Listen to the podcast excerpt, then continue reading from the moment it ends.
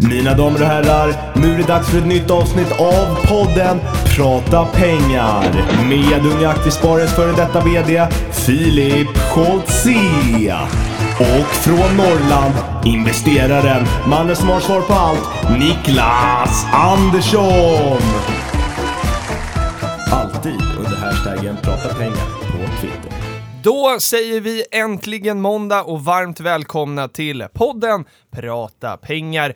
Nu är det rysligt nära avsnitt 100 Niklas. Det är avsnitt 98 idag. Ja men det är det och de senaste gångerna har vi väl någonstans också pratat om det här som årtal och nu är vi ju på år 98 Vad skulle man väl då kunna då? säga. Det var ju då vi hade Rysslandskrisen och sen hade vi också long term capital management då, den här hedgefonden med prisbelönta nobelpristagare som eh, trots det faktiskt råkade gå i putten och det vart ju ett ganska stort eko där. Så att vi är på 98. Filip nästa gång är 99 och sen är det 100. Det är ganska många spännande år framför oss. Men 98 det är i alla fall idag. Den ska vi ta oss igenom först. Det ska vi verkligen göra. Och vi har med oss en, en gäst idag som, som vi har liksom längtat väldigt länge efter att få hit i podden, eller hur Niklas? Jajamän. Och det är med ett... Eh, eh, det finns en låt som hon kommer med solsken, men hon kommer med fonder. Och det här har ju liksom eh, varit ett väldigt, väldigt efterfrågat tema på eh, liksom podden. För att vi har inte pratat så jäkla mycket fonder i, i de här 98 avsnitten, så att då tänkte vi så här, då ska vi göra det idag. Nu blir det fonder, nu blir det fonder och vad jag ska sjunga härnäst det har jag ingen aning om. Så därför säger vi varmt välkommen till podden, Johanna Kull!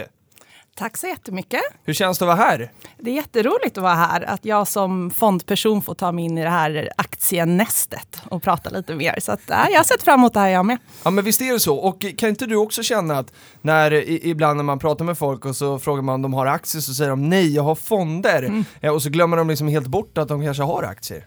Ja, precis vad fonderna består av helt enkelt. Så att, eh, jo, alla människor har ju fonder. Så fort du jobbar i Sverige så har du fonder. Exakt. Ja, det blir lite roligt, det blir som att säga nej, nej jag äter inte kött. Utan jag köper eh, såna här eh, matkassar från något matbolag och sen så innehåller de bara hamburgare och, och, och fläskkotlett. Vilken bra liknelse! Ja, den bara kom som en skänk från ovan. ja eller hur? Eh, jag tänker vi, eh, det är on torsdag idag, visst är det det? Ja det är det, det är torsdag idag när vi spelar in, det är inte fredag. För imorgon ska jag åka söderut, jag och Tove ska ju föreläsa för Unga Aktiesparare Helsingborg på lördag så att eh, imorgon eh, åker jag söderut redan och hälsar på mormor tänkte jag. Eh, så därför spelar vi in lite tidigare men eh, alltid lika nyfiken på hur er vecka har varit. Hur har din vecka varit Johanna? Den har varit eh, väldigt bra. Vi håller på att samla ihop. Eh, jag jobbar ju som sparekonom på Fondbolagens Just förening det. idag. Viktigt. Eh, precis. Eh, och vi håller på och tar in all månadsstatistik. Alla fondbolag får rapportera hur deras flöden har sett ut i, vad blir det, i oktober. Då, då. Eh, så att det har jag jobbat med för fullt den här veckan. Och, ehm, Och ja, de kommer man ju få se, vi kör ju dem i, i eh, vi kör ju Fonder med kull Mm. i eh, Avanza Play också så att eh, du kommer ju nästa fredag blir det va, 17 precis. och så ska vi spela in det så att eh, Ja, men nu drar, nu drar undertecknad i handbromsen. Vadå då? För nu är det så här, lingo, Johanna, fondflöden för de som inte känner Ja, till bra, det. Niklas! Jag vet, jag vet, ibland. Tack. Hur vi har sparat, alltså hur mycket pengar har gått in i fonder i oktober, hur mycket pengar har gått ut i fonder. Har det varit positivt nettoflöde eller negativt? Eh, och vilka fonder har vi valt? Så att, eh, det är de rapporterna vi får. Dels på förmögenhet och sen också på hur själva sparandet har sett ut. Och där kanske vi kommer komma in på, och det, eller ja, det vet jag att vi kommer göra, och det är otroligt spännande. Jag tänker lite grann på Kalle Anka och Janne Långben på, på julafton här och ni vet eh, eh, husvagnen. Det är kanske en KB-husvagn, det har man ingen aning om. Kanske. Men husvagnen där, åt vilket håll det går. Ibland går det till Asien och Kina och Ryssland och ibland går det till USA, ibland är det Europa, ibland är det Sverige, ibland är det Norden, hit och dit. Vart går pengarna runt om i världen? Och liksom vart flödar de här pengarna i den finansiella torktumlaren? Och den statistiken har ju Johanna. Och den sammanställer de ju varje månad och det har ju vi också haft eh, i ett inslag i Avanza Play där hon har pratat lite grann kort om det här. Och det här är ju otroligt intressant. För det är så här, vad, hur gör vi och hur gör alla andra? Vart flödar pengarna? Exakt. Jo, det säger mycket om, om, om vår samtid och vad det är som, som är mm, hett just nu. Och eh, det är lite kul för att just idag så är det faktiskt ett år sedan vi vaknade upp till lite. Armageddon här och insåg att Trump höll på att bli president i USA. Jag skäms över att jag inte kommer ihåg det här. Nej, jag tycker det är så Eller skönt jag- att glömma jobbiga grejer. Jag är ju morgontrött, jag tänkte inte på att det var 9 november, jag skäms. Mm. Det här fick inte vi veta förrän Johanna satte foten här på, in på kansliet och, och inspelningsstudion och då sken, eh, sken vi upp som två ljushuvuden. Två stycken Och så har det gått ett år. Osram-lampor. Ja. Och det var, du påminde oss också om att det var ju världens snöstorm den dagen. Ja men precis, det var allt. Jorden var liksom, höll på att gå under kändes det lite. Nu drar jag, drar jag på växlarna här. Men, men, ja men marknaden tyckte det också. i några timmar. I några timmar. Det var, det var 17 gånger högre omsättning på terminen i USA. Man drog i handbromsen, man tänkte nu blir det jobbigt. Eh, men sen var det ju inte riktigt det. Men, men nej, inte bara snöstormen utan marknaden tyckte också att ouch. Niklas, hur har din vecka varit då?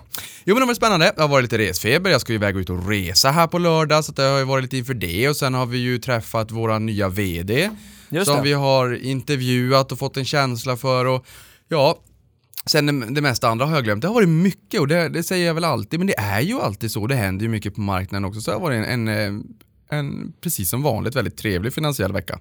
Verkligen. Och jag håller ju på att liksom eh, förbereda mig för att du ska åka iväg till USA för att vi ska vara ifrån varandra under nästa vecka då. Eh, så får vi se hur det går. Du får, jag får ta med en litet fotografi på det. Ja, du kan, du kan ju få ta med det här. Nej, vi struntar i det, vi struntar i det. När vi kom in på morgonen så fanns det ett stort fint fotografi inramat på kontoret på Filip jag tänkte herregud vad de saknar honom, vad har jag ställt till med när jag stalade över det? Ja, Och jag tyckte det såg ut som såhär, du vet man kommer in på begravning och ser liksom ett fotografi på en person, Ja. den som begravs så att säga, ja, vi får se om det idag, idag det händer, jag hoppas ju inte det. Nej, Eh, vi då, får hedga det. I så fall så skulle vi minnas det här datumet liksom två år i rad kanske. Ja, strunt samma, vi ska inte gå in där. Eh, Ja, nu.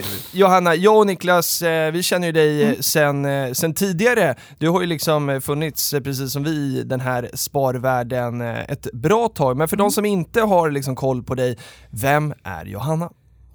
Eh, ja, jag är eh, då sparekonom på Fondbolagets förening just nu. Tidigare jobbade jag på Avanza tillsammans med Niklas, mm, ungefär. Vi var inte på samma avdelning, men vi jobbar på samma bolag. Eh, och jag har jobbat, jag är nationalekonom i grunden, eh, har pluggat det. Ehm, och eh, har jobbat med sparande och placeringar egentligen hela mitt liksom, vuxna, vuxna liv, mer eller mindre. Så det är väl vad jag gör på jobbet, försöker inspirera och vägleda människor och lära ut om sparande. Ehm, jag bor här i Stockholm, annars är det väl skidåkning som är liksom så jag borde inte bo i Stockholm. Det, det där lät väldigt dumt. Men, eh, men Jo, det, vi har ju Hammarbybacken. Ja, ja precis. Ja, Skistar. Flottsbro. Nej, men det, det roliga är att jag såg en, varför jag skrattade för att jag såg en Skistar-reklam på vägen till jobbet och då tänkte jag faktiskt på dig Johanna i och med att det är liksom klättring och skidåkning är någonting du verkligen gillar. Eh, Men om, om vi liksom backar bak från egentligen, vad ska man säga, IPO'n eller avknoppningen eh, där för nästan 30 år sedan, det är inte riktigt 30 år sedan än, men du börjar närma dig. Nej. Jag vill bara påminna dig. Tack, tack för den. Det är bara Niklas som är 30 Ja. här inne. Snubblande nära dock. Snubblande nära. Men, men liksom, eh, livet i kortformat då, från början till nu då? Mm. Men jag är uppvuxen i Järfälla utanför Stockholm. Eh, och eh, med eh, två äldre syskon som eh, hade stenhård koll på mig. Eh, sen så blev det skidåkning i några år i Åre och i Schweiz och lite här och var. Eh, och sen har jag pluggat i Uppsala med tanken då att jag skulle, jag började plugga företagsekonomi och tänkte att hur, hur tar jag mig tillbaka till Åre? Jo, men om jag pluggar företagsekonomi ska jag komma tillbaka och jobba som controller eller något på Skistar. Det var liksom min, min plan. Eh, sen där någonstans under kandidatprogrammet så insåg jag att jag är ju nyhetsjunkie av nåde. Jag älskar ju samhällsekonomi och nyheter och politik och så. Så då insåg jag att eh, det bör nog bli eh, nationalekonomi för mig. Så då bytte jag till det, till det spåret. Och sen så har jag jobbat på Nordea lite. Jag har jobbat för Ekonomifakta som en del av Svenskt Näringsliv. Just det. Varit runt och föreläst i hela, hela Sverige och pratat ekonomi och hur blev Sverige rikt? Vad är det som har skett? Liksom våra snilleföretag. Hur gick vi från ett av Europas fattigaste länder till ett av Europas rikaste länder? Hur betalar vi för vår välfärd och sånt? Så jag har varit inne väldigt mycket på det spåret. Och den kommunikationsbiten tog mig sen till, ehm, till Avanza och till Claes Hemberg där jag Just jobbade tillsammans med honom. Eh, Just för att jag hade erfarenheten av att, av att sprida kunskap om privatekonomi och eh, också ut, hade utbildningen. Ja, och i och med det här med skidorna, Filip är ju liksom en fjollträskare i grund och botten. eh, och, och det man kan säga där är att är man liksom Det är väl Johanna också? Jo, jo, Ja. ja, jo, det blir också fjollträsk. Det- Ja, ni är båda fjollträskare, det är väl tur att det blir någon form av balans i den här podden med att jag är med. Men, men det roliga är ju att ni, ni liksom är medelålders, ni jobbar i finansbranschen i Stockholm. Det, jag menar, Sa det, att du var med? Ja, jag sa det. Jag ska bara, reagerar. Eh, Men, men eh, det- jag skulle säga det sättet man kommer tillbaka till Åre, bara för att återkoppla på det, för du hade känslan där, hur tar mig tillbaka till Åre? Ja men Filip hade åtminstone sagt att det är ju självklart på eh, eh, Skistars årsstämma. Ja, Men den är i Sälen tror jag. den är i Sälen. Ja, och då hade jag helt rätt. 50% Ja. chans att ha rätt och jag hade fel. Ja. Men någonstans åt det hållet i alla fall. Det är, det är helt rätt. Men, eh, och så här, vi saknar dig på Avanza, för det var ju så tråkigt, eller så här, jag, när jag började så drog du typ. Ja, ja Eh. vi gick omlott där. Vi gick omlott. Men det är tur att vi är liksom i samma, i samma världen då. Och Fondbolagens förening eh, känner jag ju väl sedan tiden här på Unga Aktiesparare. Kan du inte berätta lite vad, vad det är ni eh, håller på med? Eh, Vi är en eh, medlemsorganisation som har i princip alla Sveriges eh, fondbolag som medlemmar. Och vår uppgift på kansliet då, det är att eh, eh, verka för en sund fondbransch i Sverige. Så det är dels eh, det är mycket regelfrågor att tillvarata fondbolagens intressen och se till att det finns bra själv, liksom, branschstandarder och bra riktlinjer för dem att följa. Men sen så är det lika mycket, och det är det jag gör i mitt jobb, eh, att utbilda och skapa ett förtroende för fondbranschen bland privatpersoner. För att en sund bransch, då måste vi ha dels bolag som känner att de har en schysst marknad att arbeta på och också ett förtroende från kunderna som då är svenska folket eftersom Just. alla är sparare. Så, Så- i ert intresse ligger både liksom fondbolagen och Ja, fondspararna? det, det är bådas. Och sen då en stor del som sagt är att ta in all statistik helt enkelt. Och de rapporterar till oss och eh, NAV-kurser och, och, och sen flödena. Men, Men för, förutom att vara just den här intermediären och någonstans titta på statistiken och hur de dana tingen är, hur agerar man i sådana fall i, när det kommer till förtroendebiten? För vi har ju haft några eh, jobbiga perioder och kanske någon här och var någon skandal också, inte bara från de här lite mindre nogräknade bolagen utan även ett av de absolut största i Sverige, om inte det största. Hur, hur beter man sig där när det, liksom, när det blir en diskrepans mellan kundnytta och, och, och nytta för fondbolagen? Ja, men så, så, den diskrepansen ska vi ju inte ha. För Nej. att då kommer det inte bli en långsiktigt hållbar bransch. Utan jag ser det som så, och vi på föreningen, att vi måste utbilda människor så att man vet eh, är avgiften viktig? Ja, Mm. det är den. Varför är den viktig? Eh, hur ska jag välja om jag vill ha en lite dyrare aktivt förvaltad fond? Alltså det finns inga genvägar skulle jag tro. Eh, Eller det, det finns inte det. Utan för långsiktighet, Mm. det blir lite som att kissa i byxorna och lura människor. Det, det, det, det funkar inte. Och Nej. jag tror också att det är väldigt få människor i fondbranschen och i andra branscher också som går till jobbet på morgonen och känner så här, oh, idag ska jag lura av lite Nej, nej, människor Nej. det finns fall med folk som har betett sig illa eller bolag som har betett Mm. sig illa och jag blir, uh, jag blir, får rysningar. För, Extrema Kunskap exempel. framåt. Men det här, eh, ni, ni jobbar ju väldigt mycket med utbildning och eh, eh, det här ska ju vara en utbildande podd. Vi vet att våra Mm. lyssnare älskar det. Eh, och, och då ska vi ju liksom fokusera på fonderna idag och då blir ju liksom första frågan, jag tycker vi liksom börjar från början. Vad är en fond? Mm, ja, men en fond är ju som en korg full, fylld med värdepapper. Lite som Niklas var inne på det där, du köper en matkasse som är fylld med kött. Där, där har vi Man kan ha lite annat ja, också. lite annat också. Men, Tallriksmodellen. ja, precis. Nej, men en, en, en fond är ju då mm, en korg fylld oftast med, med värdepapper, oftast aktier, men det kan ju vara räntor. Eh, och så är det en specialfond, kan det vara lite vad som helst. Det kan vara råvaror och annat. Men, men vanligtvis aktier eller räntepapper. Och hur, eh, hur liksom uppkom den här sparformen då? Hur länge har det funnits fonder? Mm. Eh, det har, nästa år blir det 60-årsjubileum för, för eh, fonder i Sverige. Så som riktade mot privatpersoner. Ni får stoppa mig nu ska jag bara säga om jag blir Ja, för, på för, bara. för historisk. Jag Go är lite it. historienörd. Kan så någon, att, kan någon annan ta en utsvävning i den här podden? Så här, bara go for it. Underbart. Eh, nej, men, men det var faktiskt 1958. Mm. Så för 59 år sedan så var det två bröder, eh, söner till Åhlénsgrundaren, som, som startade en stiftelse som hette Aktietjänst. Och deras syftet var att främja aktiesparandet i Sverige. Och då startade de också tre, tre fonder under namnet Conce- Concentra. Eh, varav en var öppen för allmänheten, för privatpersoner att, att spara i. Så att 1959 kom den första eh, fonden för privatpersoner i Sverige.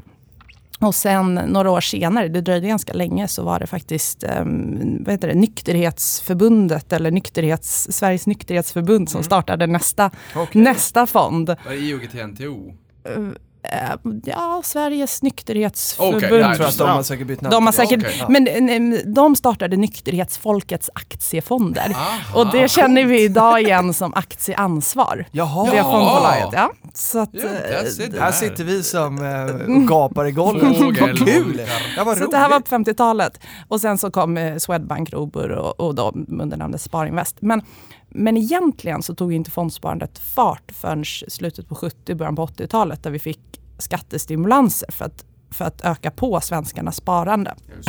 Politikerna ville att liksom, nu ska svenska folket spara. Precis, så först i slutet på 70-talet kom det någonting som hette um, skattespar. Ehm, och det var att man fick em, dra av, för varje sparad krona fick du dra av 20 på, din, i- på inkomstskatten. Mhm. Eh, Filip varför levde vi Ja. Så då, det här var i slutet på 70-talet, då kickade det igång lite. Sen så blev det val och vi bytte regering och då var man tvungen att säga okej, vi kan inte, det där var en bra idé men nu måste vi, vi måste komma på vår idé. Så då tog man bort skattespar och så införde man något som heter allemansspar. Och då, det var 1984 och då kom allemansfonderna. Och Just det. var, det var inte avdrags på inkomstskatten, men du fick, eh, det var skatte. Så sparade du allemansfonder så var avkastningen skattefri. Och det här, det här fick verkligen svenskarna att börja spara i fonder. Så att vi gick från till två miljoner allemansfondsparare på, på bara Oj. några år. Och då var vi inte 10 miljoner i Sverige heller, så att det var Nej. eh, Nej. väldigt många. Då. Nej men jag tror att det, du och jag Filip, när vi tänker på fondsparande när det verkligen liksom eh, tog fart så Ja. var det precis som Johanna säger Ja, här, visst. 84 och allemansfonden och allt vad det kan tänkas vara. Jag vill bara ha med en politisk passus här. När man säger att det inte skickar signalvärde när man gör Mm. ändra grejer.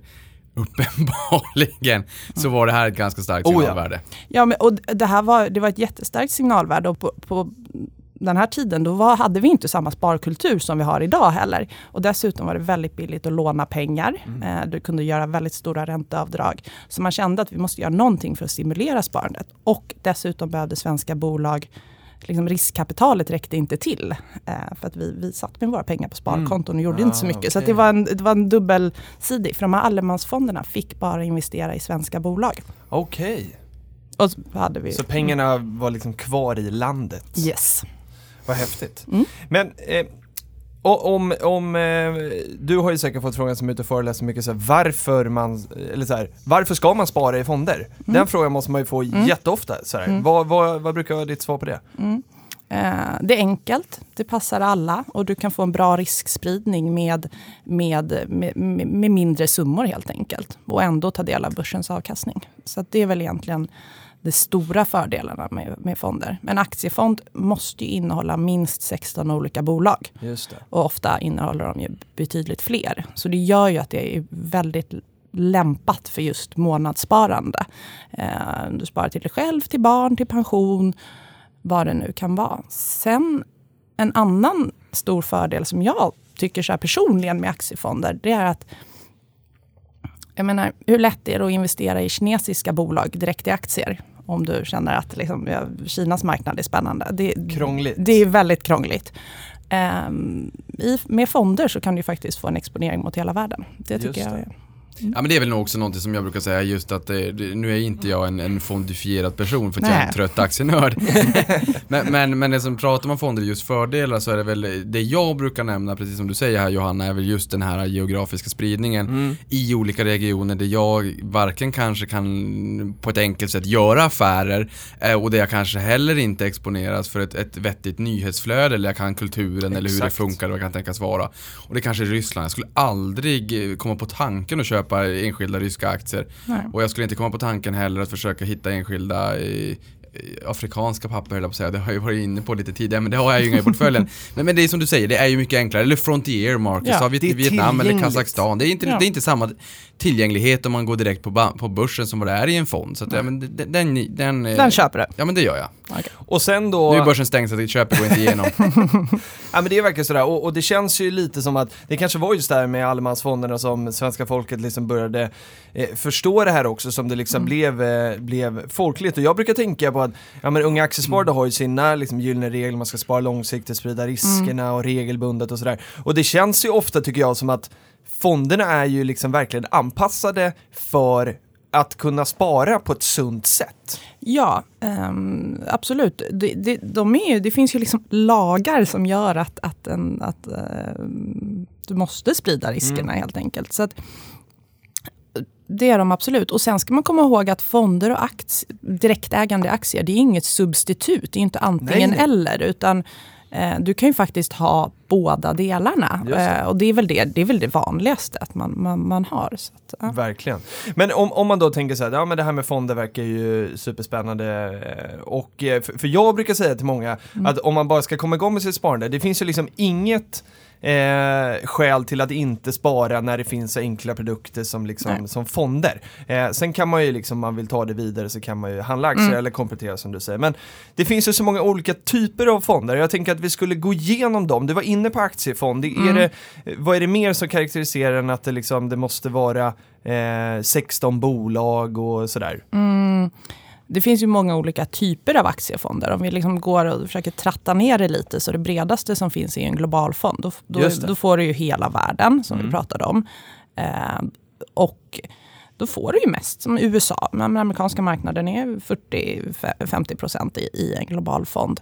Eh, och det är ju, mm, det är ju aktier, alltså du får Mm. börsbolag. Ja. Du, en aktiefond måste innehålla minst 85 procent um, aktier. Det får inte Ja. vara massa räntor som ligger där och sladdrar. Utan eh, det är börsen med, med de svängningarna. Och där brukar man ju säga att ju bredare fond, alltså ju bredare geografiskt univers eller sådär, så eh, desto stabilare eller mindre risk. Liksom, ju smalare det blir, desto mer eh, risk. Och jag tycker det finns massa spännande fonder inom liksom, jag sparar i techfonder och frontierfonder. bransch, Ja, då är vi liksom. nere på Ja. bransch. Då har vi liksom gått från global som är det bredaste eh, och sen hela vägen ner. Europa, Sverige. Eh, vi har ju en tendens att vara lite Sverige-tunga i vårt sparande. Ehm, I regel. Det utgör ju faktiskt bara en procent av Exakt. världsindex ungefär. Så Men det är också typ världens bästa börs. ja, så att, eh, det är väl klart att vi ska vara lite Sverige.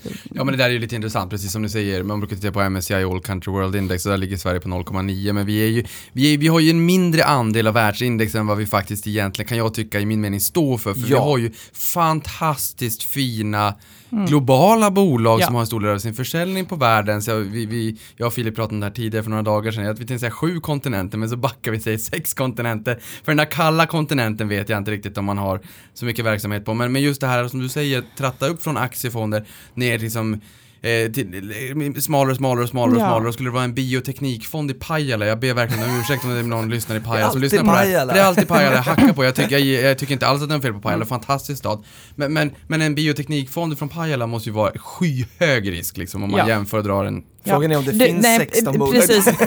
Och det, det ska... Nu var du elak! 16 människor kanske inte ens Ja. finns. Ja men Nej, är 16 det- bioteknikbolag tänkte jag. Jag, jag gillar Pajala, jag vill bara säga det.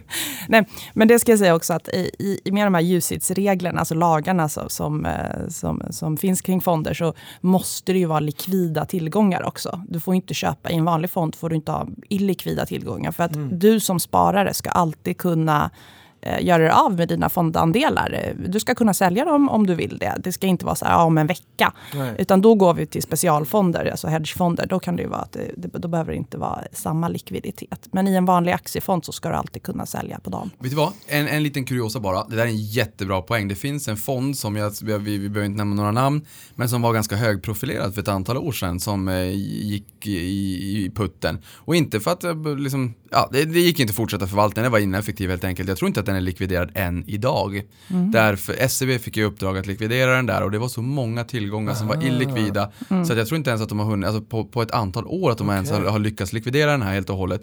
Så just den här poängen med att tillgångarna måste vara likvida i en UCITS-fond och in, men inte i en specialfond är en, en eh, jättebra poäng. Och inte bara på pappret i teorin, för det finns ju faktiskt som i det här då, eh, exemplet fall där det, det, det visar sig att det kan bli lite jobbigt om de inte är li- likvida. Vi tar oss vidare då. Blandfond, vad är det för något? Det är väldigt vanligt ju. Ja, eh, som namnet antyder så är det en blandning mellan aktier och eh, räntebärande papper. Blandfonder finns i de flesta olika varianter. Det finns försiktiga blandfonder som har en större andel räntor och lite mindre andel aktier. Och så finns det aggressiva blandfonder som har, som har en större andel aktier och mindre andel räntor. Det. Ehm, det- Det vanligaste egentligen är väl de här generationsfonderna som Just många har i sitt pensionssparande. Eh, Då brukar det vara 100% aktier upp till kanske 55 års ålder eh, och sen börjar det trappas ner. Det är så SOFAN, alltså icke-valsalternativet i PPM, är, är utformad också. Precis. Och, och mm, andra sidan då på den här räntefonderna som du är inne på, det ju, finns ju inte lika stor variation där kanske som på aktiefonderna, men det finns ju ändå liksom de här kortare och längre räntorna då. Är det de två stora skillnaderna på räntefonder? Ja, men eh, långa och korta räntefonder. Och där kan man också dela upp det i, i, företagsobligationsfonder eller ehm, Ja, men penning, stats, man- ja, ja, pen, precis. eh, statsskuldväxlar och sådär. Så att, jag menar, en kort räntefond, det är väl det, den försiktigaste, stabilaste fondtypen vi har. Eh, som ska liksom jämföras med sparkonto. Men Just just, idag när vi har minusränta eh, i, många, i Sverige och i många andra delar av världen, eller väldigt, väldigt låg ränta i alla fall, då är ju inte de här korta eh, penningmarknadsfonderna, de är ju inte liksom de kommer ju inte ge några 1, 2, Nej. 3 procent ränta. Nej. Då måste man ju gå till eh, räntefonder med företagsobligationer som kan vara med kortare eller med längre löptid. Just det. Hedgefond var du lite inne på också, eller specialfond. Eh, det är nästan taskigt att be dig liksom förklara vad det här är för att det... det Svart låda. ja, exakt. Berätta. Nej. Eh, hedgefonder, det är ju sådana här, alltså specialfonder. Då, då. Eh, och eh, de har friare placeringsregler. De, de har inte de här UCITS-reglerna och då får de inte heller marknadsföras och säljas på samma sätt som vanliga värdepappersfonder. Eh, men poängen med en hedgefond, det är ju ofta att de ska ge avkastning, alltså totalavkastarna, att de ska ge avkastning både i, i, i börsuppgång eller börsnedgång. Så där. De kan få blanka aktier och de, de har helt andra eh, regler och det gör att de också ofta är lite dyrare. Och även hedgefonder så finns det ju en, ett univers av. Det finns försiktiga hedgefonder och det finns mer eh, riskfyllda. Eh, men det, vill man spara i det så måste man ju läsa på lite och se vad, vad, vad är det här för fond? För det, det går inte att säga att det finns en typ av hedgefonder. Nej. Där gäller det att läsa på och förstå vad man köper, eller hur Niklas? Ja, men så är det Jag menar, vi började ju inleda det här avsnittet egentligen med long term capital management och Nobelpristagarna som gick i putten 98 där och det var ju en hedgefond och sen har det funnits en hedgefond som investerade i professionella pokerspelare bara för att förstå och det kan man ju tycka som men herregud vad sa du Niklas? Men, men, och det, det vittnar ju någonstans om spannet att en hedgefond är ju ett epitet och inom det här epitetet om ni gör så här, lyft upp armarna framför er, vänsterhanden så långt till vänster ni kan, högerhanden så långt till höger ni kan. Ja, då har ni ungefär spannet där för hur mycket som ryms inom epitetet hedgefonder. Så att precis som ni sa här, läs på för att en hedgefond kan egentligen vara lite vad som helst. Men risken i det här är att det är ett mycket, mycket, mycket friare placeringsmandat som, eh, som Johanna var inne på. Vi pratade investeringsregler förra podden. Och det gör ju att man kanske i än större utsträckning också måste förstå för just, hur just den här fonden och just den här förvaltaren förvaltar pengarna. Exakt. Vi ska beta av de sista kategorierna. Fond i fond är nästa. Vad, är det precis vad det låter va? Ja, det är precis så det låter. En fond som placerar andra fonder. Just det. Och är, är det någon skill... Brukar de flesta blandfonder vara fond i fonder? Är snett ute då? Nej, men många i alla fall hos de här stora aktörerna, storbankerna och sådär, har ju ofta lite färdiga, eh, eller inte bara storbankerna, många banker nu idag har ju olika, eh, ingen nämnd, ingen glömd, men har olika färdiga fondpaket. där Just det ofta det. är. Det är lite bake-off. Men, lite men, där har ju faktiskt en kritik varit i, i fond-i-fond-branschen får man säga att åtminstone när den kom så blev man lite orolig för kaka på kaka-effekten Mm. och att det är en förvaltningsavgift på fond-i-fonden och sen även de underliggande fonderna och det där är ju fult.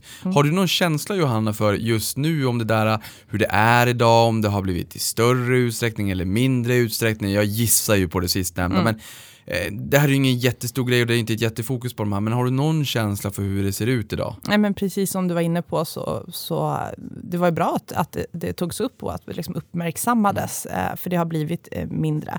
Många som, om det är en, säg en stor bank eller så, så har de ju ofta sina egna fonder och då, blir det, ju- då tar de ju bara eh, ja, ut avgiften i ett led. det. Liksom.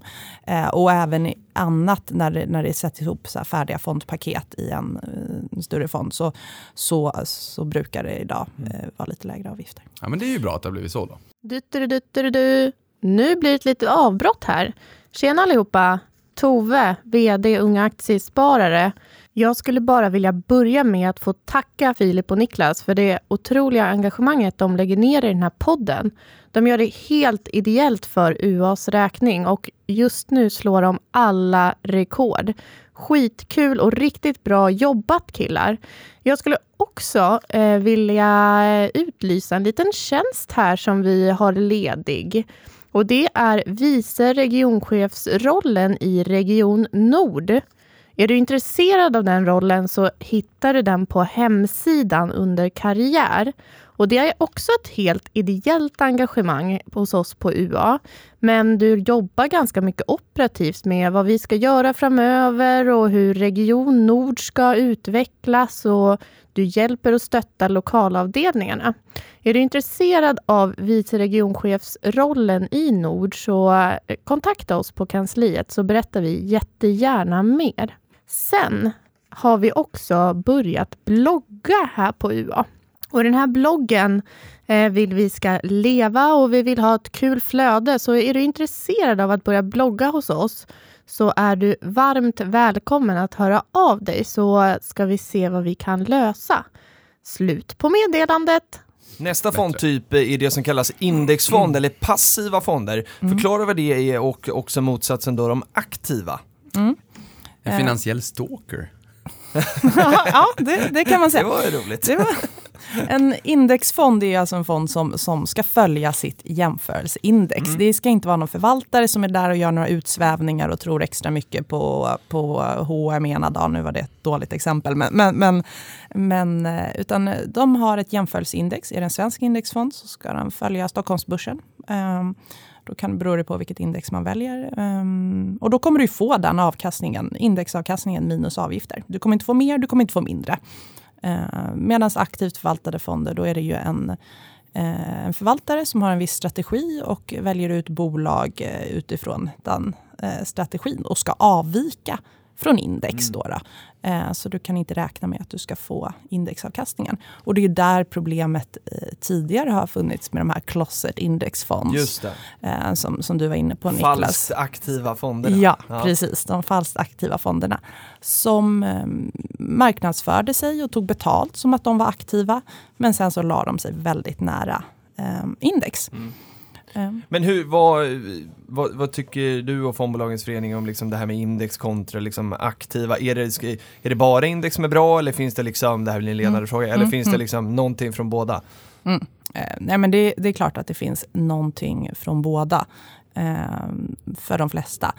Eh, För det finns ju aktiva fonder Ja. som verkligen överpresterar. Ja. Så det är ju inte så att alla aktiva fonder är falskt aktiva. Nej, nej, det är det som, det, det, bilden, det har ju blivit lite onyanserat kan jag tycka ibland, när man, när man bara, bara pratar index eller bara pratar aktiv förvaltning. Eh, utan det är klart att ehm, det finns speciellt marknader där det kanske eh, passiv förvaltning inte lämpar sig speciellt bra. Eh, jag menar Kina, och vi var inne kommer tillbaka till det igen. Eh, köpa index där, då får du en massa trötta gamla industribolag som staten håller under armarna. Ah. Ehm, med, och då kanske det är bättre med en, med en förvaltare som känner till marknaden och väljer de här nya teknikbolagen som är up and coming. Där måste jag säga att jag har förstått att Shenzhen är, Kinas Silicon Valley. Ja, det var Ja. bara en liten poäng. Ja. Eh, det var en liten poäng. Eh, men så att eh, det finns, det finns för och nackdelar med båda. Eh, vill man ha det så enkelt som möjligt, ja men välj index. Välj en globalfond index, eh, en index Sverigefond, så har du liksom, du, har, du, du är på börsen och du får ta del av avkastningen. Eh, är du lite mer intresserad så, så använd de verktygen som finns för att hitta bra aktiva fonder. Mm. Om du, om, Och vi kommer alldeles snart in på liksom hur man ska liksom hitta de här fonderna då. Mm. Eh, hade du något Niklas? Ja, kort bara Ja. innan vi går in på nästa fondtyp. Ja. Så att innan vi lämnar det så vill jag bara säga att precis som du är inne på här lite grann Johanna, man kanske inte vill ha trötta statliga bolag utan man vill ha de här eh, up and coming techbolagen i Kina som går så att det ryker. Smartbeta har ju blivit en liten sån här um, poppis grej också att man kanske aktivt kan välja vilka komponenter, Mm. hur, de ska, hur bolag ska värderas eller vad det ska vara för bolag och hit och dit och sen så gör man en index, indexförvaltning av de parametrarna man har valt ut, värdering och direktavkastning eller vad det än kan tänkas vara. Så att smartbeta får vi ju inte glömma, det är ju lite Nej. nytt Mm. så att säga. Och, Och då kan man välja bort trötta statliga kinesiska bolag. Absolut. Så det, det finns ju hybrider av allting. och här är ju de här börshandlade fonderna eh, Mm. är ju väldigt populära just för att liksom nischa någonting. Hur eh, hå- håller du på att liksom bevaka sånt också? Vi har, vi har ju... Ja, men, Finns det med i ja, föreningen? det finns med i föreningen. Den största då i Sverige, eh, Exakt, Just det. eh, är, finns ju, är medlemmar eh, hos oss. Så att det finns ju. Det är ju alltså ETFer, börshandlade fonder. Det är ju fonder som handlas i realtid. Mm. Men du, du får fortfarande under fond, fondskalet. En vanlig OR-fond, du kö, lägger du ju en order och sen så du, du vet ju inte kursen när du lägger ordern. Ja, utan den det. kommer, det är väl det som är den stora skillnaden. Ehm, så att absolut, det kommer ju mer och mer. Ehm, nu är ju Sverige, vi har ju en sån tradition av vanliga fonder, alltså vanliga indexfonder Mm. och sådana fondsparande. Så att vi är ju inte riktigt, det är inte riktigt lika vanligt i Sverige som i till exempel USA att man handlar med ETFer. Nej, det kanske kommer. Ja. Men om vi ska gå in då på den stora frågan Mm. och sådär, men det finns ju liksom eh, vissa banker skryter med, eller skryter med, men liksom inte minst där jag och Niklas jobbar, säger att så här, vi har så här mycket fonder och liksom eh, många sparare kan nog känna sig så, men hur ska jag liksom kunna välja bland, bland hundratals, tusentals fonder? Mm. Så att jag tänkte att vi, eh, vi ställer den frågan till dig. Hur, eh, hur, hur tycker du att man ska gå tillväga för att liksom hitta en fond som passar en själv? Mm. Mm. Ehm, ja, men först får du ju tratta ner vilken typ av fond är det jag ska ha. Är det en Mm. aktiefond, är det en räntefond? Ofta är det ju aktiefonder som vi utgår från det nu. Då. Eh, och sen får du ju välja placeringsinriktning. Alltså, Mm. Ska det vara global eller ska det vara en Sverigefond? Det är väl liksom de två, eller någon, någon annan typ av fond. Så du får väl veta vad det, är du, vad det är du ska jämföra. För det är viktigt att man jämför äpplen med äpplen och päron med päron. Just det. Eh, men säg att du ska spara i en Sverigefond till exempel. Då kan du gå antingen bara på pris, eh, att du vill ha så billig förvaltningsavgift som möjligt. Eh, och då blir det ju en indexfond i regel. Mm. Eh, eller om du känner att så här, nej, men jag vill ha en lite mer aktiv förvaltning. Då tycker jag att Morningstars rating, de här stjärnebetygen, Just det. använder jag dem, 1 till 5. Eh, då, då, där har de ju jämfört en, en fonds historiska resultat eh, med andra liknande fonder i den kategorin. Mm. Och det här är riskjusterad avkastning som de, så de går på då. Eh, så då vet man att är det en femstjärnig fond, då har den varit i liksom topp 10 de, bland de topp 10% bästa fonderna i den här kategorin. Så gå utifrån det.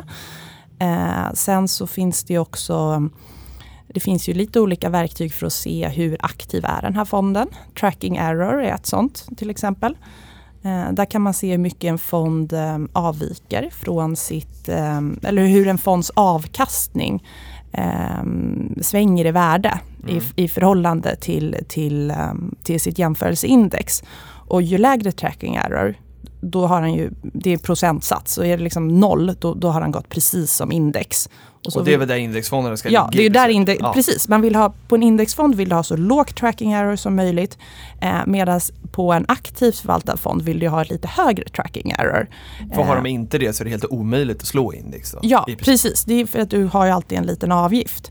Eh, och, men alltså ett alldeles för högt eh, tracking error eh, eller active share eller sådär, då, då kan man ju fråga sig, är det ett relevant jämförelseindex? Mm. Det kanske Ja inte är. Så, så att, Nej, det är eh, sant. det ska inte vara liksom 100% heller, för då, då jämför man ju sig mot fel index. Men skulle man kunna säga här att om man väljer en indexfond, ja men då vet man ju att, att ja, men den ska följa det här indexet. Mm. Då är det då Stockholmsbörsen, 30 mest eh, omsatta Mm. bolag till exempel. Ja men då vet man det. Eh, och, och då är det svårare för fonden att göra fel. Men Ja. om man ska välja en aktiv, liksom, behöver man, då kanske man behöver läsa på lite mer. Ja. Just ja. med det här du säger, tracking error eller active Ja. share. Ska vi säga vad active share är också? Ja, active share. Tracking error är alltså hur en fonds avkastning svänger i värde i förhållande till index. Active share, det är mer hur fondens eh, innehav avviker i, i förhållande eh, till index. Eh, så att då är det också, har man liksom 100 ja men då är det bara index och det är samma fördelning som index. Medan om det är noll så är det helt avvikande. Och då. Sådär. Ehm, men de här två nyckeltalen kan man absolut använda sig av. Ehm, men det viktigaste skulle jag säga är liksom avgiften Mm. eh, får inte vara helt uppåt väggarna. Eh, du ska ju få betalt för den högre avgiften. Så då måste du ju någonstans gå på historisk avkastning. För vi kan ju inte veta Nej, framtiden. exakt. så man, man brukar vara försiktig med att, med att säga att ehm, titta på en historisk avkastning för den säger ingenting om framtiden. Nej. Nej, men den kanske i alla fall ger en hint. Om vi har ett fondbolag och en fond som har överpresterat år efter år efter år. Mm. Då väljer jag i alla fall hellre den än de som har underpresterat år efter år efter år. Exakt. Och det fångar man ju upp där i Morningstar-betyget. Så jag skulle säga att Morningstar är det viktigaste. Det är jättebra. Och det här också som du var inne på med, ja, men med, med, med tidshorisont, att det är så viktigt. Jag har ett sånt färskt exempel nu. Jag håller Mm. på att sälja en lägenhet och kommer eh, liksom behöva spara eller lägga undan lite pengar under en kort period innan eh, jag ska köpa min nya. Och då är det typ så här två månader och då kommer jag ju inte gå in och köpa en aktiefond för de här Nej. pengarna för det kan ju svänga enormt utan väljer då liksom snarare en, en, en räntefond då, en kort och sånt som motsvarar Mm. då kanske nästa sparkonto. Så att det blir ju, tiden känns ju som att eh, i, i, tiden för mm, Ja. när man behöver pengarna är en viktig faktor för vilken typ av fond man ska köpa. T- Tiden är den viktigaste faktorn. Ehm, Man brukar fråga folk, vilken riskbenägenhet har du? Mm. Den är ju jättesvår den frågan att svara på. Vi- Jag vill ha så låg risk som möjligt och så mycket pengar som möjligt. Det är liksom det naturliga svaret. Mm. Ta bort det och tänk tid istället. Och tycker du sen då, vi var lite inne på det med hur, att det är tillgängligt och hur man köper en fond och sådär. Eh, man kan ju både liksom köpa enstaka gånger eller månadsspara. Hur, eh, hu- hur ser svenska spararna ut här? Brukar de flesta köpa en gång eller månadsspara många? Hur tycker du att man ska tänka? Eh, månadsspara, månadsspara, månadsspara. Ehm, Varför då? ja, vi är inte rationella varelser. Det, det får ju till och med Richard Thaler ekonomipriset, eh, Nobelpriset i ekonomi här, eller ja, Ja, i, i år. Eh, för att vi har en tendens, vi tycker det är roligare med börsen, vi tycker det är roligare med fonder, med sparande generellt när börsen går upp. Sen när det kommer en sättning så tycker vi inte att det är lika kul. Så att ska vi försöka tajma marknaden så, så trampar vi ju ofta snett. Eh, och då har du ett månadssparande som går månad efter månad efter månad. Då blir ju bara börsnedgångar bra, för det blir ju som rea. Liksom. Du får mer fond för pengarna. Eh, och dessutom vet man att sparandet blir av. Ehm, så att jag skulle säga månadssparande alla dagar i veckan. Sen ser vi väldigt tydligt i vår statistik att eh, Eh, går börsen starkt så ökar också inflödena i fonder. Eh, när eh, börsen går ner så, så, så, så tar vi ut mer ur aktiefonder. Så att bara där... Mm, Just det.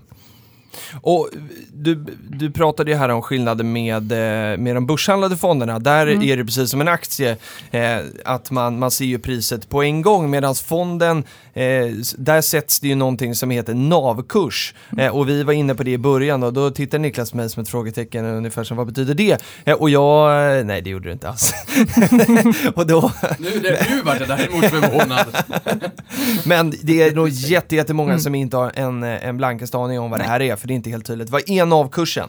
Eh, NAV-kurs står alltså för nettoandelsvärde.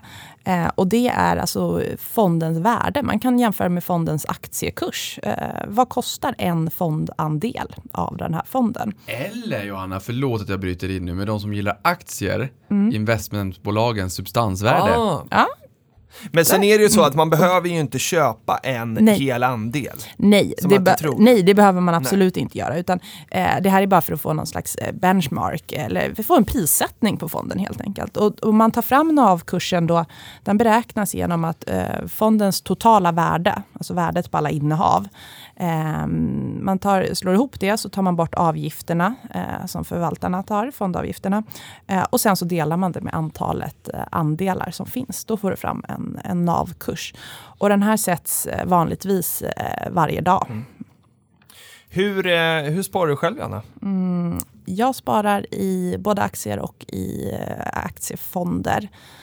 Så jag har två olika ISK så kan jag jämföra. Ja, ah, kul! Så du blandar inte ihop dem liksom? Så Nej, mm, jag gillar struktur och då kan jag se vilket som går bäst. Och gör du som du säger, att du liksom månadssparar eller Mm. kastar du in och ut? Mm, nej men jag är lite, lite sparjanke. Jag, eh, jag eh, sparar är lite beroende av att köpa både aktier och fonder. så att, Det måste finnas pengar till båda. Eh, Ja, jag sätter över när jag får lön varje månad. Ehm, för eh, jag, jag har insett att jag har svårt att ha ett räntesparande, för att jag tycker det är lite för kul att, att eh, köpa. Så har jag lite pengar över så brukar det bli aktier eller fonder. Eh, att, Har du något räntesparande som buffert? Eller sådär? Ja, alltså det, det är ju det här jag har börjat eh, inse, att jag har s- svårt för att ha det. Så då har jag börjat amortera eh, och ser det som, som mitt räntesparande. Ja, det är. Sen är det självklart att jag har en liten buffert. Ja. Eh, det har jag absolut. Men jag får ofta frågan som sparekonom, hur, hur stor buffert ska man ha? Mm. Eh, och det, där finns det ju inget, jag säger att jag har en liten buffert. Jag, alltid, är eller liksom, men jag, har, jag bor i lägenhet, Mm. jag bor väldigt billigt. Eh, jag har inga barn, jag har ingen bil, jag har ett ganska eh, tryggt jobb. Jag tror inte att jag kommer förlora det. Liksom i, i, så så att allt beror ju på, um, storleken på bufferten beror ju på vilka potentiella utgifter man har. Och jag är precis tvärtom, jag har ju barn och bil och allt vad det är. Så att du, Niklas, du får nog svänga om hela ditt sparande till räntesparande tror jag. Men jag tycker att det är roligt just amorteringen, för amorteringen är ett räntesparande. Så är det bara. Mm. Men- Det är ju ett anti, eftersom att du slipper betala en räntekostnad, så jag tycker det är intressant. Men Filip, en In- grej de som- är inte likvida, så man Nej. måste låna upp för att få tillbaka Ja, dem. Ja. men, men en Ja. grej som jag tycker är lite roligt här också, som Johanna är in på, det är ju just att hon är liksom en, en liten sparjunkie både när det kommer till aktiefonderna och Det aktier. gillar vi. Jo men, men alltså jag känner så här, ja men det gillar vi. Och jag känner så här att, att folk kan tycka att, ja, men jädrans vad, vad ni sparar, du och jag Filip pratar mycket om, om vi sparar hit och dit och jättemycket och det är ju våran hobby och allt vad det kan tänkas vara och hade det varit ponnyridning eller hockey så hade vi kunnat lägga det på det istället och allt vad det är. Men, men, men, men min poäng här är att jag tycker det är så roligt när Johanna säger att hon är lite grann den här junken, därför att vi sparar ju inte. Alltså i det här epitetet, jaha, nej jag kunde inte göra det här roliga utan jag var tvungen att lägga den här slanten i sparbössan den här månaden igen. Utan vi, vi konsumerar ju aktier ja. och fonder. Det blir ju ett annat sätt. Det blir ju inte ett sparande, det blir ju en konsumtion. Fast sen är det ju också ett sparande, men vi har ju mentalt vi tänker på ett annorlunda sätt för att vi tycker att det här är kul Exakt. ju. Det blir ju inte det här, jaha, men man måste spara. Ja, men Ja, ni, men ni förstår vad jag menar. Och, och nej, nej men verkligen. Och även om, även om man vet liksom att så här, det här är någonting man borde göra och sådär och det kan ju hända när man går till banken så kan det vara så att eh, de, de tycker att så här, du borde ha ett litet sparande också. Det här kommer vi in på nästa ämne. Och det är mycket därför vi vill ha det här avsnittet idag också, därför att vi vill ju sprida kunskap och vi vet att när man är ute hos sin bank eller sådär, det är väldigt vanligt att man pratar om fonder och då är vi väldigt måna om att ni som lyssnar på den här podden och alla svenskar egentligen har koll på eh, ja, men hur det funkar så att man inte liksom trampar snett för att det är hög risk att göra det. Eller hur Niklas? Du har ett färskt exempel. Ja, jag har ett färskt exempel. Det är så här att min lillebror, min mellanbror, byggare Bob, eller han som kallar Eh, Scandi standard för kycklingpojkarna har jag ju pratat om här några gånger. Eh, han och hans tjej ska köpa bostad eh, uppe i, i Luleå där vi kommer ifrån. Han har alltså varit på ett bankkontor där någonstans då i Norrbotten. Eh, eh, på SCB kommer det vara ganska tydligt och jag tycker liksom att det här, den här rådgivningen och vad det landar i är fel. Eh, och sen kan man också säga att jag har varit på SCB under många år, jag känner till den här produkten och även arbetssättet väl. Men, men jag vill någonstans bara visualisera och måla upp en situation, ett scenario här och att vi kanske kan diskutera lite kring det. Gärna. Eh, för då är det så här, de skulle ha en bostad och sådär och självklart så vill ju den här personen då att de ska spara. Det där vill ju hon självklart att de ska ha det på SCB. Inga konstigheter med det. det. Det fattar jag. Men hon, då säger Simon att, med min lillebror då att ja men vi har ju det här och indexfonder är bra och vi har ju redan det här och vi har sparandet klart för oss men hon liksom hon ville inte eh, eh, höras vid det där och, och eh, eh skar av Simon lite grann och riktade in sig på hans tjej istället som hon insåg att hon var lite mera orolig, över att sova gott om natten och allt vad det kan tänkas vara och då riktade hon in sig på det och som egentligen skalade bort min lillebror helt och hållet. Och då slan, eh, landade det i en fond som heter SEB Strategi Defensiv och det här ska vi prata om lite grann. Och då kan man ju säga så att folk förstår vad det här är för någonting, så skriver de så här att det är aktiv förvaltning med globalt fokus med hänsyn till fondens risknivå strävar vi då efter att maximera total avkastning genom att aktivt allokera fondens exponering mot framförallt aktier, sen räntebärande värdepapper och alternativa placeringar. Och det kan då vara hedgefonder och råvarufonder och valutor. Det här är inga konstigheter, det här är modern portföljteori. Och de flesta bankerna går åt det här hållet. Likaså vi med, med auto då så att säga. Och scenariot här, man har en långsiktig sparhorisont, eh, det här hushållet. Risknivå, lite osäker. I min värld kan jag tycka att man måste förklara kanske lite grann hur börsen och den finansiella marknaden fungerar och varför långsiktighet är eh, typ den viktigaste faktorn som Johanna var inne på, risk och avkastning då. Eh, sen har vi Sparslant. Föreslagen 4 000 kronor i månaden. Vi brukar säga ett gyllene riktmärke 10% av inkomsten. Netto i Sverige kanske man landar kring 2 2 500. 4 000. Jag tycker lillebrorsan kan dubbla det här, men, men liksom, från, från ett bankperspektiv så är det ganska, det är ganska tilltaget. Ja. Ja. det kan man väl säga vad man vill om. Förvar, investeringssparkonto. Mm. Risken är låg. Eh, och då kan man säga så här att eh, strategidefensiv, eh, i princip bara räntor. Kan vi börja där? Sparformen investeringssparkonto. Ska man ha räntor i ett investeringssparkonto? Jag, har ju, jag vet ju vad jag tycker. Vad tycker ni? Jag har ju inte det. Nej, Därför att de når liksom inte upp till nivån som de behöver Nej. vara för att, för att det ska bli bra skattemässigt. Och även om de gör det i år så kommer de inte Precis. göra det eh, i framtiden. Så att, eh, nej, jag har inte heller räntor där. Åh, vad ni är kloka. Det är ju nämligen så här att eh, statslåneräntan, den beskattningen, så schablonintäkten och sen i slutligen skatten då på ett investeringssparkonto beräknas ju av att man tittar på statslåneräntan sista november och så plus en procentenhet om Vänsterpartiet får igenom sitt förslag eh, och det innebär och så har vi ett golv på då 1,25. Så att skulle det här slå igenom idag, som är statslåneräntan per igår som var 0,56 plus en procentenhet då eh, i det här påslaget och från, från eh, regeringshåll som man då har drivit igenom förra året och vill driva igenom då nästa år. 0,75 plus 0,25. Då måste vi ha en avkastning på 1,56. Det är tumregeln. Vi måste ha en förväntad avkastning, för avkastning vet man ju inte i förväg. En förväntad avkastning över 1,56, annars är det inte lönsamt. En räntenivå när 100 miljarder globalt ligger i ett ne- negativt ränteklimat eh, och investerar i negativa räntor. Det är ganska jobbigt att få en 56, det, det är vi ju ense om. Mm. Men, men nu var väl det här en, en, en blandfond, så att det är inte ben, eller? Ja, det, det, det här är eh, hela deras förvaltningsteori, för det finns fem olika fonder från strategi defensiv till, till möjlighet och tillväxt och allt vad det är. Och sen så är ju risknivån däremellan är, ja, återigen den här vänster och högerhanden, upp med dem, dra ut det så långt det bara kan. Det är ett univers. Och i den här fonden, för vi ska titta lite grann alldeles, alldeles strax bara på vad, vad den innehåller och det är räntor. Eh, Okej, jaha, okej. För det, det här är en fond i fond. Men, men det är som du säger, de kan ändra. Nåväl, vi ska inte fastna för länge här. Jag tittar på fem år hur den här har gått. Och då har den gått upp 15,47% på fem år, så det är 2,92% per år. Det är alltså strax under börsens direktavkastning. Vi ska komma ihåg att de här individerna är 25 år. Oh. Och vi tänker på en risknivå, vi säger till, till pension 65 då, det är 45 års tid. Eh, f- 40 års tid. Niklas kan inte huvudräkning. eh, och sen starten så har den gett 2,49% om året. OMXS30, vad, vad har den avkastat tror ni? På fem år? Nu har det ju varit en upp, upp, börsuppgång, så det här får man ta med en nypa salt. Börsen går upp och ner över tid, Jo. men vi vet ju också vad den har gett historiskt. Så vad, vad tror ni då, senaste fem åren? Ja, jag kan ju läsa innantill här, så att jag Ja, det får du inte göra. gissa. Nej, den, eh, OMXS30 har, eller vill du gissa Jonna? 60 procent. 60%, det var nära. 55-43. OMXS30, 55%, det är 9,22% om året i årlig eh, genomsnittlig avkastning. Och sen tar vi ju 630 RX såklart, för vi måste ju räkna med återinvesterad utdelning. Då är vi uppe på 13,35% om året. Och från 25 års ålder upp till 65, om vi då räknar med den här föreslagna sparformen och den historiken som har varit, det är ju ingen garanti för framtiden, det kan bli mer och mindre. Men då får man ihop 4,5 miljoner till pension och det är ganska mycket pengar. Inget ont om det. Nej. Men om man hade fått de här 9 procenten, då hade det varit 29 miljoner istället för 4. Och tar man 630 RX på 13 procent, det är ganska utmanande under så lång tid, det är det faktiskt. Då är det 123 miljoner, så från 4 miljoner till 123 miljoner, det är spannet. Eh, och jag skulle vilja säga så här att margin of safety, alltså från den nivån som den här fonden har gett i avkastning ner till tumregeln vad du måste ha för av- avkastning för att det här investeringssparkontot ska vara lönsamt ligger på 1,36%. Det är ganska tight, det är ganska nära att det inte är lönsamt. Och vad tar man då betalt för det här?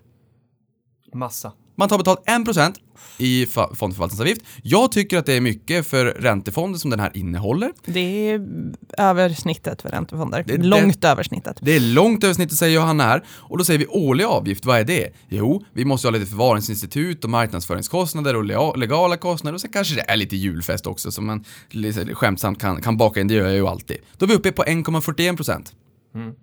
Johanna, jag vet att du har gett en snittsiffra på vad, vad eh, aktiefonder i Sverige kostar. Vi landade under 1% och då bakar man med indexfonder, annars ligger vi över. 1,41% för en fond som innehåller ränta. Johanna, vad säger du? Eh, Det är högt. Det, det, det är väldigt högt. Ehm, Och den här fonden har slagit sitt jämförelseindex en gång de senaste tio åren. Eh, och jag vill också bara skicka med, när man är inne och tittar på fonder, så jag tittade på det här, någonting som jag fastnade lite grann för, det är att de här, det är obligationsfonder och korträntefonder och sen är det lite high yield, alltså räntefonder med högre risk som man har bakat in också för att få upp eh, avkastningen lite grann. Men årliga avgifter på 0,50 till 0,70 det är 50% av den förväntade avkastningen definitivt på penningmarknad. Inte lika mycket, men ganska mycket på en obligationsfond. Och det värsta jag har sett, bara för att avrunda det här, vet ni vad det värsta jag har sett är? Nej. I den här. En av de här fonderna, det är i princip bara räntor. En av fonderna, då har man en årlig avgift, eller en fondförvaltningsavgift på 1%. Årlig avgift på 1,15 och sen säger man, sen tar vi 20% i performance fee om vi slår vårt jämförelseindex. Och vet ni vad jämförelseindexet var? statslåne. Statsskuldväxel tre månader som ligger på minus 0,69. You beat it by default. Ja. Vad tycker ni om det här? Nej, det är Det- inte bra. Nej. Eh, jag, jag tror och tycker att vi bara börjar med den sista frågan, Jajamän. jämförelse eller um, performanceavgift, eh, prestationsbaserad avgift. Jag tror att det kommer bli framtiden faktiskt. Eh, men det finns väldigt mycket saker man, eller det finns några saker man ska reda eller hålla koll på. Ett, det ska vara ett relevant jämförelseindex. Statsskuldväxlar är inte relevant. Bra. Två, den fasta avgiften eh, ska vara låg eh, från början. Och tre, det finns någonting som heter high watermark. Det är, ett, det är ett avsnitt i sig, men, men den ska vara evig. Man ska inte kunna ta betalt för samma uppgång två gånger. Eh, så. Men, men, men, men det där att jämföra mot statsskuldväxlar blir ju väldigt, väldigt knepigt. Ja, men vad glad jag blir att jag får medhåll här, för den här kostar alltså 1,41% om året. Den näst största positionen är en korträntefond. Den har avkastat 0,2% per år i snitt senaste fem åren. Och det tar man 1,41% för. Nu är inte det bara, men den är näst största positionen. Tack för medhållet mina vänner. Vi hoppas Simon och hans flickvän tackar nej. Ja, nej men alltså, och grejen är så här, Filip, du är själv i den här situationen med bolån och man blir pressad av bankerna och de säger så här, ja, ska du ha en bra ränta så ska du vara helkund. Och hur sjutton ska du kunna säga nej? Ja, du går hem och sen så tryck, avbryter du det där sparandet dag nummer två.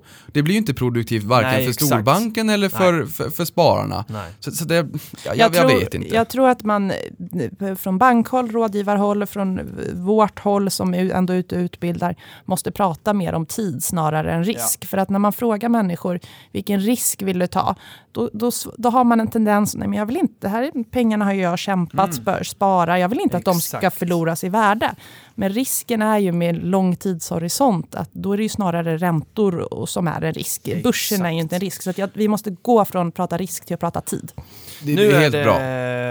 hög tid för vårt nyhetssvep. Ja, det kan man säga. Timman går fort. Den där, den där avkastningen de senaste fem åren på 2,49, ja det blir ju ganska nära noll om man räknar med att vi har en liten inflationsnivå också. Så att ja, det är, det är jättebra, som Johanna sa. Och eh, Börje, vi kan säga att det här blir som första grejen i nyhetssvepet, det är det inte, men jag, jag ljuger in den. Börje Ekholm på gamla Investor har ju sagt att det, den, den största risken långsiktigt är att stå utanför aktiemarknaden, jag gillar honom. Då börjar vi med, och då tänker jag på Filip nu, nu ska jag göra honom glad. Det är någonting man ska göra, så man brukar ju säga liksom att vägen till en mans hjärta går genom magen, det finns det ett gammalt ordspråk. Det kan ju vara eh, samma sak på båda könen. Så att säga, men, men jag vet hur jag ska skärma Filip, och det är genom Djurgården. Stämmer. Och då är det så här, Diff Jag tror Hockey, du skärmar Johanna Ja, Ja, det gör det.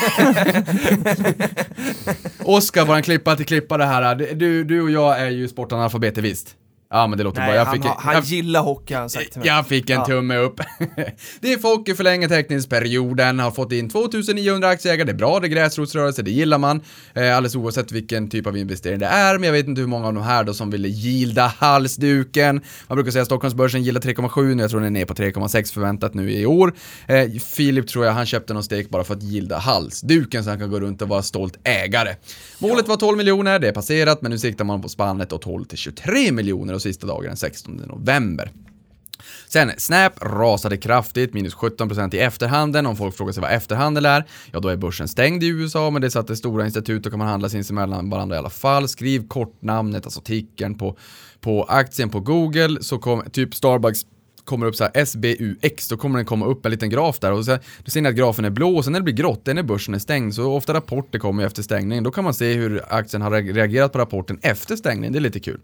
Eh, efter sin rapport här då, eh, Snap då, som inte levde upp till marknadens förväntningar. Aktien är ner 52% från toppen. Och sen kan man ju säga, för den var på 27 dollar då, men ner 24% från sin IPO, eller Initial Public Offering, på 17 dollar. Men nu meddelar Tencent om att man har köpt 10% av bolaget eh, och det kan man ju tycka är spännande eller inte. Som man har haft ett samarbete med de senaste fyra åren. Jag lyssnade på Jim Cramer, Mad Money på morgonen här och han sa ju så här, ja det kanske inte är så intressant för att det, de här har ju ingen rösträtt de här aktierna. Väldigt viktig poäng. Sen Amazon släpper Echo Alexa i Japan och lanserar sitt första varumärke, eller sina första varumärken för möbler i USA. Konkurrenterna faller på beskedet och det såg vi också med dagligvarorna, de gick in i Whole Foods och vi såg det med apotekskedjorna, CVS, Right, eh, Green, eh, vad de hette, Walgreens i, i USA som du och jag såg. Apotekerna föll också när de skulle in i apoteksmarknaden. Där ser vi mycket, de ska ge sig in i ett nytt segment, segmentskollegorna faller. Och det är fri frakt. Frakten i Sverige, i Stockholm är ju inte sällan 700-800 kronor om man då ska eh, beställa lite möbler. Sen har vi bioteknikbolaget Hansa Medicals VD Göran Arvidsson har avlidit, blott 70, 57 år gammal. Eh, blev VD i april 2015 och sen dess har aktien då stigit 473%. Vi vill ju självklart beklaga sorgen och våra tankar går till nära och kära. Verkligen. Jag tycker det är helt bedrövligt och ingen ska behöva lämna oss i så tidig ålder.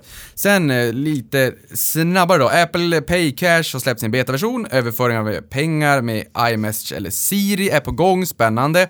Tesla förvärvar automationsföretaget Perbix. Det är intressant. Automation har pekats ut som ett problemområde för eh, Tesla Model 3. Jag ska dit till nästa vecka. Jag ska till eh, Silicon Valley, Palo Alto och så ska vi träffa lite spännande bolag.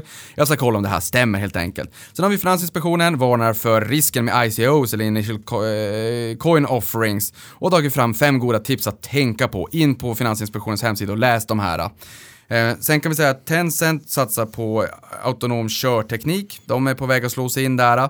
Eh, de är på all time high också sen deras börsintroduktion 2004 och de har 5% av Tesla. Och det hade jag faktiskt ingen aning om. Visste ni att de ägde 5% av Tesla? Nej. Nej, det visste inte jag heller, men nu vet vi det allihopa. Sist men inte minst så ska jag snabbt avrunda med en eh, eh, nyhet som har kommit från 100 kronor mot miljoner på Twitter. Jag var, var tvungen att lyfta den här för det är första gången jag får in ett förslag till nyhetssvepet. Och där är det tydligen så att Apotea bygger Sveriges största solcellstak i morgongåva. Och då skrev han, måste nog köpa mer Creades så för för att få mer exponering mot Apotea då. Det här måste vara Sveriges största tak i solcellsanläggning. Och det är det ju för det stod det Prata pengar, är det någonting för nyhetssvepet? Ja det var det, du är med!